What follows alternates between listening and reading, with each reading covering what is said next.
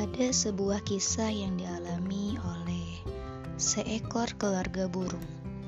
Suatu hari, seekor induk burung meneteskan beberapa telur menjadi burung-burung kecil yang indah dan sehat. Si induk sangat bahagia dan merawat mereka semua dengan penuh kasih sayang. Hari berganti hari, bulan berganti bulan.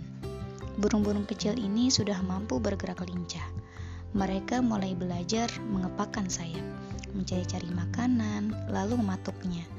Dari beberapa anak burung tersebut, tampak seekor burung kecil yang berbeda dengan saudaranya yang lain. Ia pendiam dan tidak selincah saudara-saudaranya. Ketika saudara-saudaranya belajar terbang, ia memilih diam. Saat saudara-saudaranya mencari makan, ia memilih diam dan menantikan belas kasihan saudaranya. Demikian hal ini terjadi terus-menerus. Saat si induk mulai menjadi tua dan tidak sanggup lagi berjuang menghidupi anak-anaknya, si anak burung yang lemah merasa sedih. Seringkali ia melihat saudara-saudaranya terbang tinggi di langit. Ketika saudara-saudaranya berpindah dari satu dahan ke dahan yang lain di pohon yang tinggi, ia harus puas dengan hanya berada di satu dahan yang rendah. Akibatnya, ia merasa sangat sedih. Dalam kesedihannya, ia menemui induknya yang sudah tua dan berkata, "Ibu, aku sedih.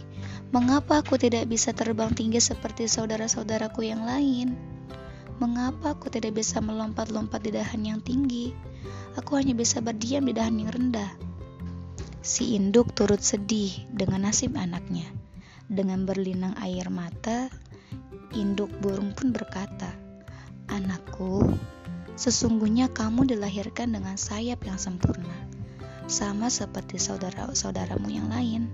Namun, kamu memilih merangkak dalam menjalani hidup ini, sehingga sayapmu menjadi kerdil."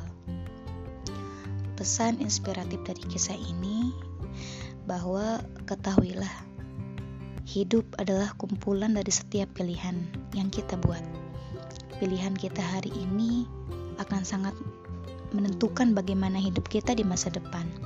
Saat ini, kita memiliki keleluasaan memilih yang sesuai dengan kehendak kita. Setelah itu, kita akan dikendalikan oleh pilihan tersebut. Oleh karena itu, berpikirlah sebelum memutuskan sesuatu, dan jangan lupa bahwa pilihan yang kita buat pasti menyertakan konsekuensi-konsekuensi tertentu di dalamnya.